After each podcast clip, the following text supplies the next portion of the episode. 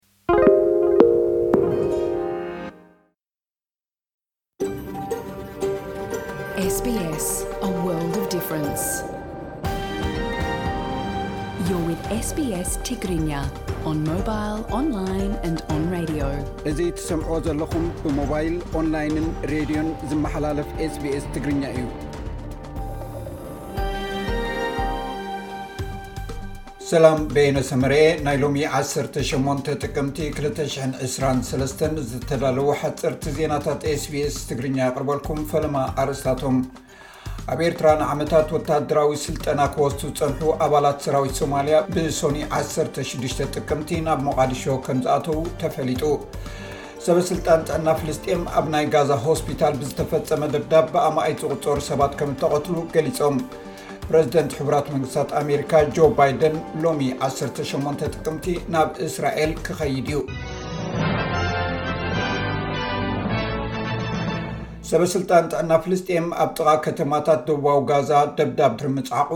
ኣብ ከተማ ጋዛ ኣብ ዝርከብ ሆስፒታል ብዝተፈፀመ ደብዳብ ብኣማይ ትቕፀሩ ሰባት ከም ተቐትሉ ገሊፆም ሰበስልጣን ምክልኻል እስራኤል ከም ዝሕብርዎ ነቲ ካብ 208 ኣትሒዙ ኣብ ዝተኻየዱ ሓሙሽተ ውግኣት እቲ ዝኸፍኣ ደብዳብ ነፈርቲ ኣብ ዝካየደሉ ዘሎ ኣብዚ ሕጂ እዋን እቲ ኣብቲ ሆስፒታል ተገይሩ ተባሂሉ ዝግለጽ ዘሎ መጥቃዕቲ ሓቅነቱ ንምርግጋጽ ይሰርሑ ኣለዉ ኢሉ። ሚኒስትሪ ጥዕና ጋዛ ብውሕዱ ሓሙሽተ ሚእቲ ሰባት ከም እተቐትሉን ፕረዚደንት ፍልስጤም ናይ ሰለስተ መዓልትታት ሓዘን ከም ዝኣወጀን ተገሊጹ ኣሎ። ኣብ መንጎ ወተሃደራት ሓማስን ሓይልታት ምክልኻል እስራኤልን ዘሎ ሰብኣዊ ኩነታትን ውጥረትን ኣብ ዝቕፅለሉ ዘሎ እዋን ፕረዚደንት ሕቡራት መንግስታት ኣሜሪካ ጆ ባይደን ሎሚ 18 ጥቅምቲ ናብ እስራኤል ከምርሕ እዩ ፀሓፊ ጉዳያት ወፃኢ ኣሜሪካ ኣንቶኒ ብሊንክን ሚስተር ባይደን ምስ ንጉስ ዓብደላ ፕረዚደንት ግብፂ ዓብደልፋታሕ ኣልሲስን ፕረዚደንት ፍልስጤም ማሕሙድ ዓባስን ክዘራርብ ናብ ዮርዳንስ ከም ዝኸይድ እውን ኣፍሊጡ ኣሎ ኣብ ናይ ሲድኒ መዕርፎ ነፈርቲ ካብ እስራኤል ንዝመፁ ስምዒታዊ ምቕባል ድሕሪ ምክያዱ ብዙሓት ኣውስትራሊያውያን ካብ እስራኤል ናብ ሃገሮም ክምለሱ ትፅቢት ይግበረሎም። መንግስቲ ድማ ነቶም ካብ ጋዛ ክወፁ ዘይከኣሉ ሰባት ውሑስ ምምላስ ክግበር መንግስቲ ይፅዕር ኣሎ። ልዕሊ ክልተ ሚእቲ ሰባት ፅዒና ካብ ዱባይ ዝተበገሰት ነፋሪት ቀጠር ሰሉስ ምሸት እያ ኣብ ሲድኒ ዓሊባ። ገለ ካብዚኦም ብሶኒ ካብ እስራኤል ብናይ መንግስቲ በረራ ዝመጹ ኮይኖም ካልኦት ከኣ ኣብዚ ቀዳመ ሰንበት ካብ ቴልኣቪቭ ነቒሎም ኣለዉ። ኣውስትራልያዊት ጋዜጠኛ ቸንግ ለይ ኣብ ቻይና ንኣስታት ሰለስተ ዓመታት ኣብ ቤት ማእሰርቲ ክትእሰር ዝተገብረሉ ምክንያት ኣብ መንግስታዊ መራኸቢ ብዙሓን ዝተኣገደ ናይ መንግስቲ ቻይና መግለፂ ብምቕራባ ምዃኑ ገሊፃ። እታ ጓል መልበርን ኣደ ክልተ ቆልዑ ዝኾነት ጋዜጠኛ ኣብ ነሓሰ ክልተ ሽሕን ዕስራን ከም እተታሕዘትን ንኸልተ ዓመትን ዓሰርተ ሓደ ወርሕን ኣብ ቤት ማእሰርቲ ቻይና ተኣሲራ ድሕሪ ምጽንሓ ዝሓለፈ ሰሙን ዓሰርተ ሓደ ጥቅምቲ ናብ ኣውስትራልያ ካብ እትምለስ ንመጀመርታ ግዜኣ እያ ቃለ መጠይቕ ገይራ ዘላ። ኲንስላንድ ኣብ ትሕቲ ከቢድ መጠንቀቕታ ሓደጋ ባርዕ ዘላ ኮይና፣ እቶም ኣብ ዞባ ግላንድስቶን ዝነብሩ ተቐማጦ ሎሚ ዓሰርተ ሸሞንተ ጥቅምቲ ንጉሆ ሓደገኛ ባርዕ ከም ዘጋጥም መጠንቀቕታ ተዋሂቦም ኣሎ። ኣገልግሎት ሓውን ህጹጽን ኲንስላንድ ነቶም ኣብ ማእከላይ ኲንስላንድ ኣብ ዝርከብ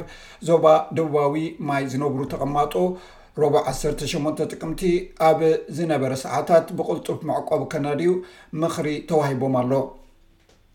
ኣብ ኤርትራ ንዓመታት ወተሃደራዊ ስልጠና ክወስዱ ዝጸንሑ ኣባላት ሰራዊት ሶማልያ ብሶኒ 16 ጥቅምቲ ናብ መቓዲሾ ከም ዝኣተዉ ፕረዚደንት ሶማልያ ሓሰን ሸክ ማሕሙድ ብማሕበራዊ መራኸቢታት ኤክስ ወይ ትዊተር ነበር ኣብ ዝዘርጉሑ ሓበሬታ ሓቢሩ ኣገልግሎት ዜና ሶማልያ ሶና ኣብ ዘርጉ ሓበሬታ ድማ እቲ ፕረዚደንት ኣብ መደበር ሓይሊ ኣየር ሶማልያ ተረኺቡ ነቶም ንልዕሊ ሓሙሽተ ዓመታት ኣብ ኤርትራ ጸንሑ ወተሃደራት ከም ዝተቐበሎም ገሊጹ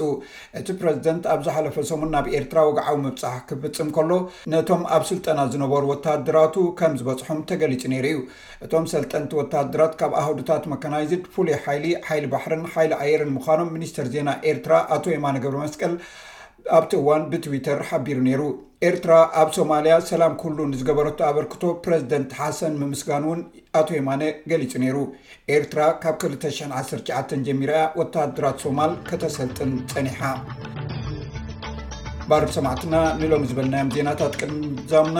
ኣርእስታቶም ክደግመልኩም ኣብ ኤርትራ ንዓመታት ወታደራዊ ስልጠና ክወስቱ ዝፀንሑ ኣባላት ሰራዊት ሶማልያ ብሶኒ 16 ጥቅምቲ ናብ መቃዲሾ ከምዝኣተዉ ተፈሊጡ ሰበስልጣን ጥዕና ፍልስጤም ኣብ ናይ ጋዛ ሆስፒታል ብዝተፈፀመ ደብዳብ ብኣማኢት ዝቁፀሩ ሰባት ከም እተቐትሉ ገሊፆም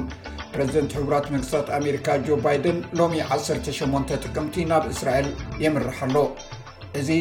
ሬድዮ ስፔስ ብቋንቋ ትግርኛ ዝፍኖ መደብ እዩ